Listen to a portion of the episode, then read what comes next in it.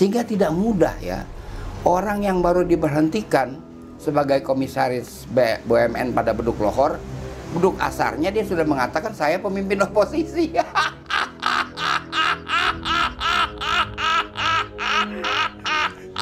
itu nggak bisa.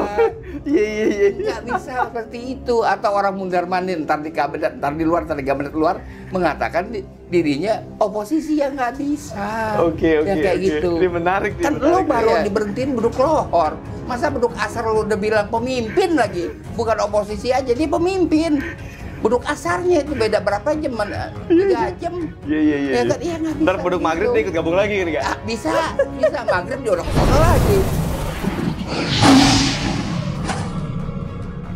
Assalamualaikum warahmatullahi wabarakatuh. Teman-teman semua balik lagi bersama gue Vasco Rusemi di Macan Idealis. Nah teman-teman hari ini gue bareng sama Babe Ridwan Saidi lagi. Gue mau diskusi sama Babe mengenai anatomi oposisi. Nah ini ini perlu kita cermati. Memang kondisi negara Indonesia kita tetap butuh oposisi untuk memantau berjalannya pemerintah agar sistem demokrasi kita ini kan biar seimbang nih kan Be ya Gue mau coba tanya ke Babe, pandangan Babe mengenai anatominya seperti apa kira-kira. Menurut Babe gimana Be anatominya Be, posisi pada masa ini? Eh, di dalam sistem eh, kenegaraan sekarang eh, partai yang tidak ikut kabinet tidak bisa dikatakan oposisi. Namanya Bi, tidak bisa jadi oposisi ya. Bukan dia eh, kedudukan dia bukan anggota kabinet, Hmm. tapi tidak dengan sendirinya dia oposisi. Bahkan sebenarnya eh, hampir sama saja dengan partai-partai pemerintah suara mereka. Ya. Cuma bedanya eh, yang eh, partai pemerintah mempunyai anggota-anggota yang duduk di kabinet. Hmm. Yang yang partai yang satu lagi tidak punya anggota yang duduk di kabinet. Tapi ketika dia bersuara itu sama saja di DPR, di DPRD 1, DPRD 2 ya sama saja.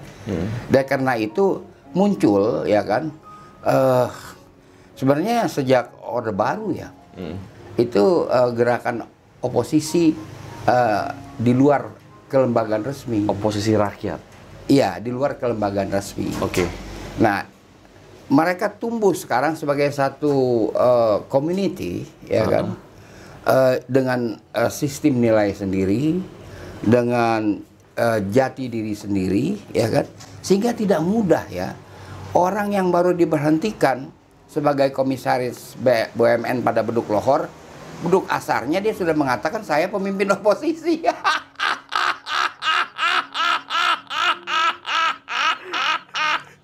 itu nggak bisa Iya iya iya. nggak bisa seperti itu atau orang mundar mandir ntar di kabinet ntar di luar ntar di kabinet luar mengatakan di- dirinya oposisi yang nggak bisa Oke oke. yang kayak oke. gitu Ini menarik nih, menarik nih. iya iya. kita misalnya ambil contoh Rahmawati ya saya ingat saya Rahmawati itu telah melakukan gerakan-gerakan oposisi sejak 1994 eh, di pertemuan-pertemuan kami ya Iya. orang-orang yang beroposisi dengan pemerintah itu di rumah dia salah satu rumah miliknya di pasar Minggu Mm-mm. pada waktu itu dan Rahma itu kan nggak berhenti sampai akhirnya dia muncul secara nasional ya kan eh, dengan memenangkan perka- perkara gugatan di Mahkamah Agung Hmm.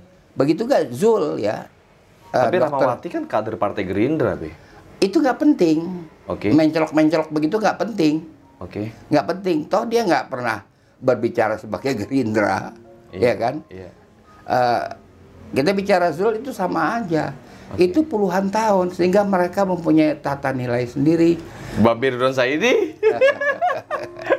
Tokoh oposisi dari dulu. ya, ya, ya, saya yang lagi membuat penuturan ya jadi eh, nggak me- menyebut diri saya jadi yang saya lihat itu mereka Hariman Sergar katakanlah ya kan Iya. eh, nama-nama atau bintang pamungkas ya begitu terus bintang Pam- pamungkas itu dari tahun 96 ingat saya Iya. terus begitu sampai Tapi sekarang kan bisa dikatakan nggak misalnya kayak gini Be ya. Misalnya kayak Babe misalnya, Hmm. em, kalau Babe kan memang dari dulu nih oposisi nih. Dari dari awal rezim nih Babe oposisi terus. Kalau misalnya tiap pergantian rezim, pada masa rezim ini dia oposisi, pada rezim ini dia tidak oposisi. Itu bisa juga dong, Be, kayak gitu, Be. Bisa saja, tapi ini nggak nggak terjadi pada komunitas oposisi di Indonesia Saat sekarang. ini. Nggak terjadi. Karena kan gini nih, Be ya.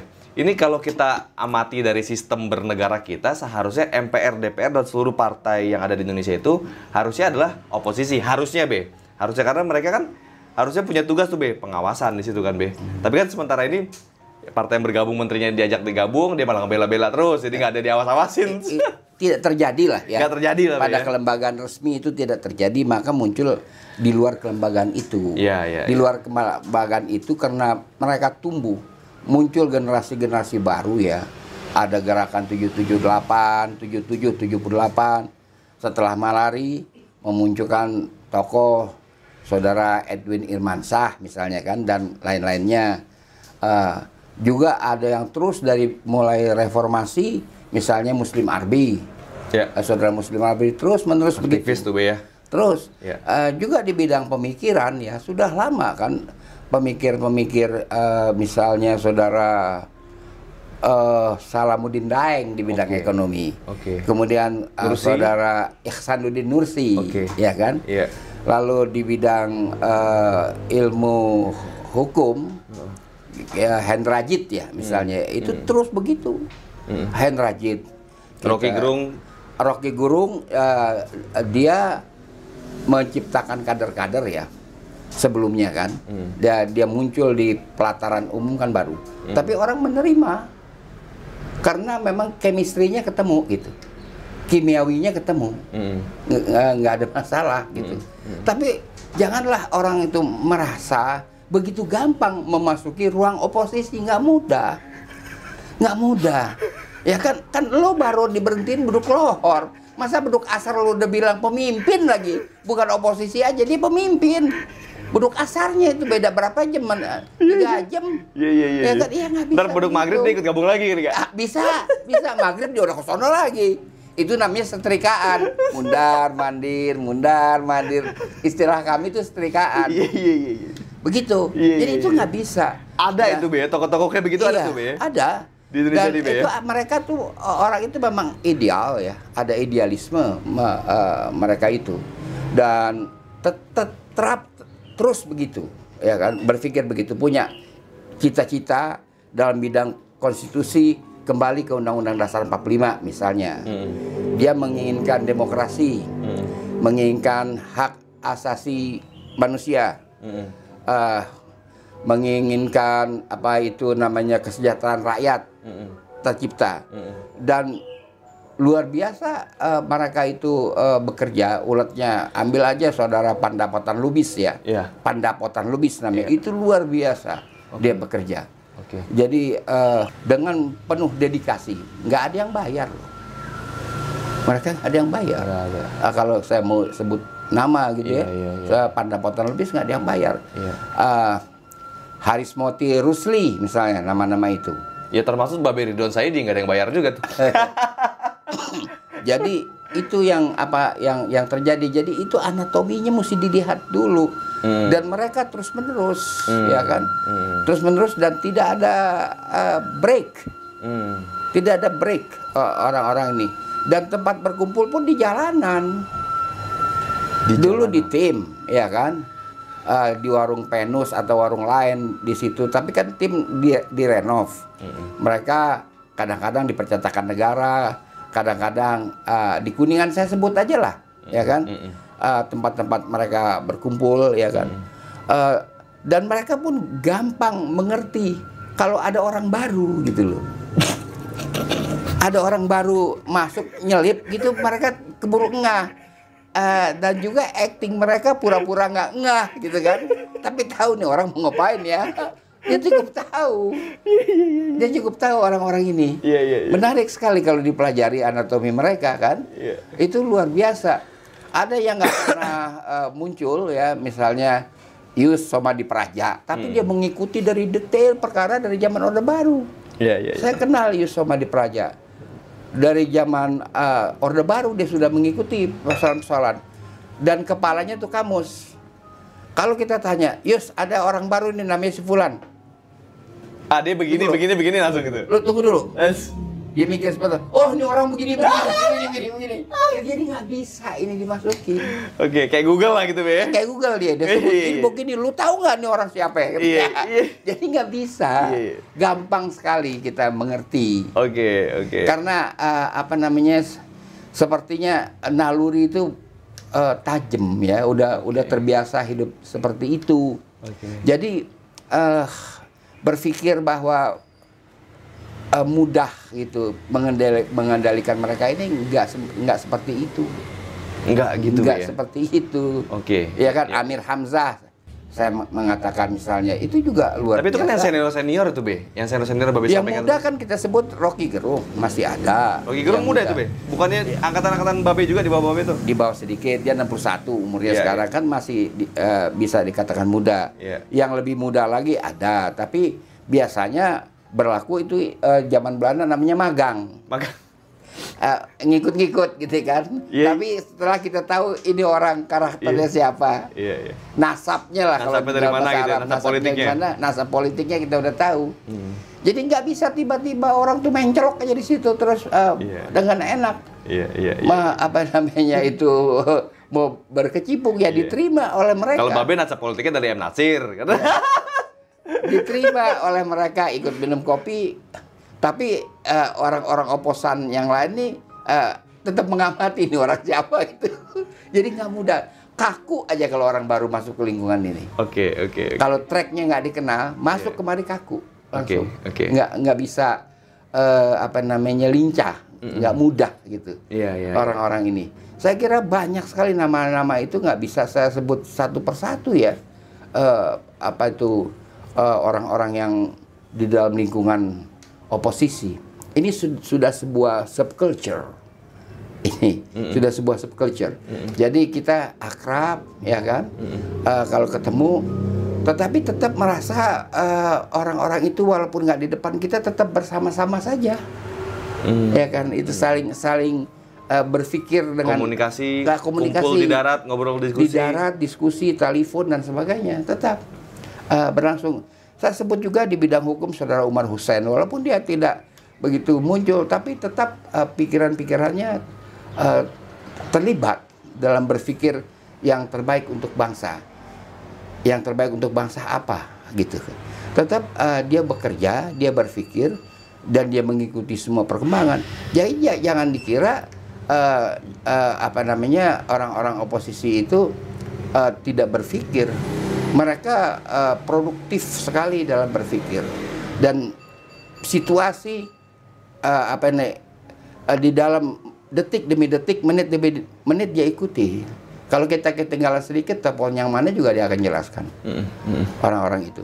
Yang muda ada lebih muda dari siapa namanya itu Eh, dari Rocky kan ada seperti Ilham Yunda itu kan eh, dia luar biasa sekarang aktivis masih muda lah. Eh, saya kira masih kepala empat umurnya.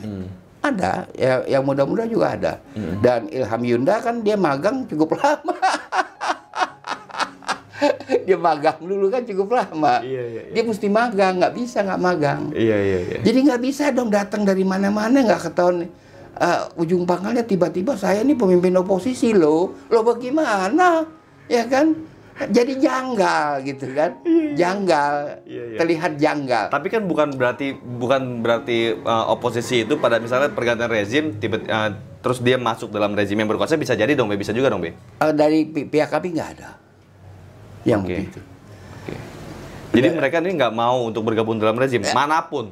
Itu begini ya, dia bukan partisipasi kekuasaan tujuannya. Tujuannya adalah perbaikan negeri ini. Hmm. Beda. Oke. bukan partisipasi kekuasaan. Jadi kalau orang mundar mandir kabinet keluar kabinet keluar kabinet keluar tahu-tahu bilang oposisi, ya kagak bisa dong, nggak bisa begitu. Iya, iya, iya, iya. Eh, jadi eh, kalau di dalam istilah kami kami ini Oke. orang semacam itu kita bilang mualaf. mualaf murtad, mualaf murtad gitu, ya. Enggak murtad kita nggak pakai Oh, istilah nggak. mualaf ayah itu mualaf itu kita bilang begitu. Iya, iya, iya. ya kan? Iya, iya. Eh, jadi nggak gampang. Iya, iya, iya. Walaupun orang parpol itu berpikir kritis, Iya, ya kan? iya, iya. lah kita eh, nggak begitu saja menganggap itu bagian dari komunitas kita Oke. ya kan oke. Ah, besok juga lo dagang ini dagang itu kan begitu kan. enggak lah. Enggak, enggak, enggak kita beli dagangannya, kita dengerin doang tapi dagangannya kita kagak beli Iya, gitu loh. iya, iya. Itu istilahnya. Istilah babe biasanya ngelenong gitu ya. Iya, lu ngelenong ngelenong lah ya kan. Tapi kita nggak tanggapin betul. Iya, iya, Nah, iya. itu yang eh, sebenarnya eh, susah sekali orang mau mengerti kelompok ini. Hmm, jadi yang maksud babe kelompok oposisi murni itu mereka tidak akan pernah bergabung dalam kekuasaan. Nggak. Tidak akan pernah. Bukan cita-citanya.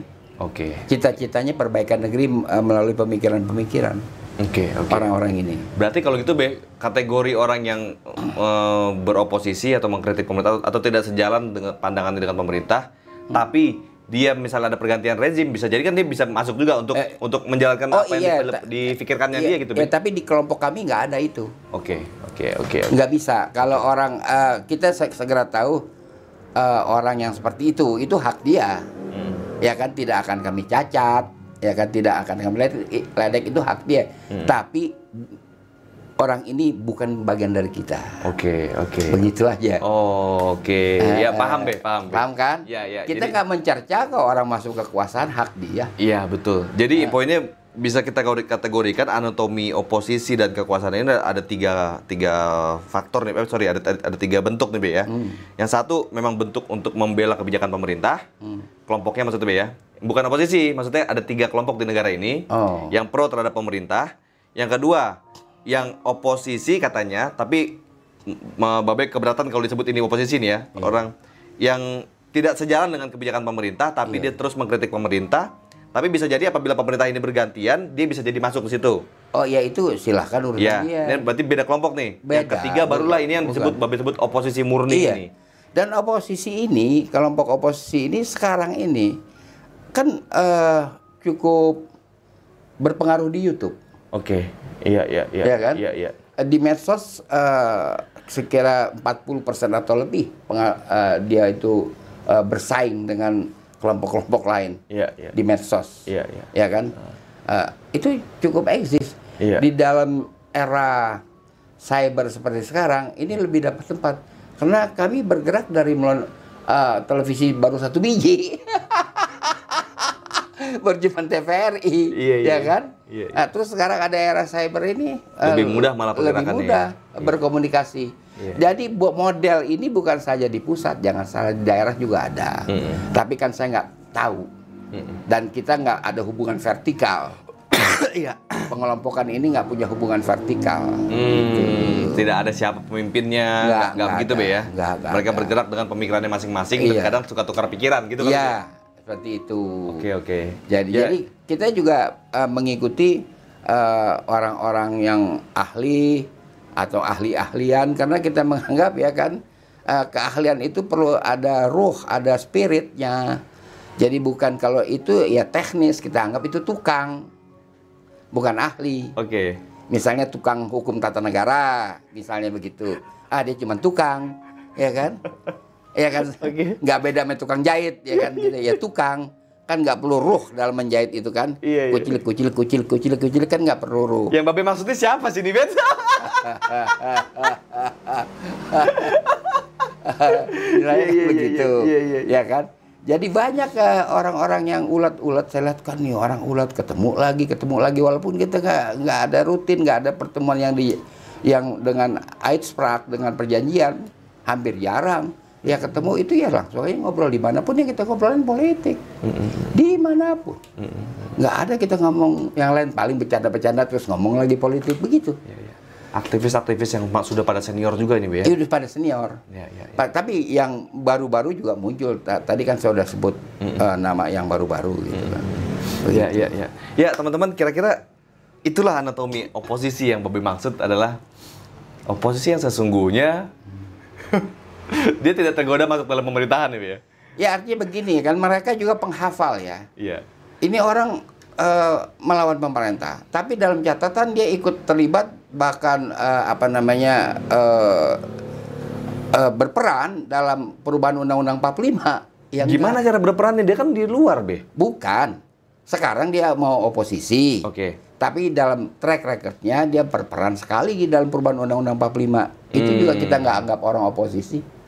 Enggak, itu pun tidak. Enggak, karena kita menganggap itu sangat penting dan strategis itu arti dari Undang-Undang 45 asli itu. Oke. Ah, yang merubah itu kita kan hafal. Iya. Siapa ketua fraksi Pak, eh, Pak Anu, ketua fraksi MPR-nya itu kan Iya. kita hafal semua. Iya, iya. Eh, bagaimana konekti, eh, koneksitas dia dengan ini dengan itu kita Iya. tahu semua. Iya, iya, iya, iya. Ya, kita mengertilah apa Dipetakan itu. lah sama teman-teman iya. oposisi yang tadi- tadi Iya, kita ya. paham. Iya. Ah, Artinya kalau ibaratnya ah, main bola ya kan, kita mengerti lapangan.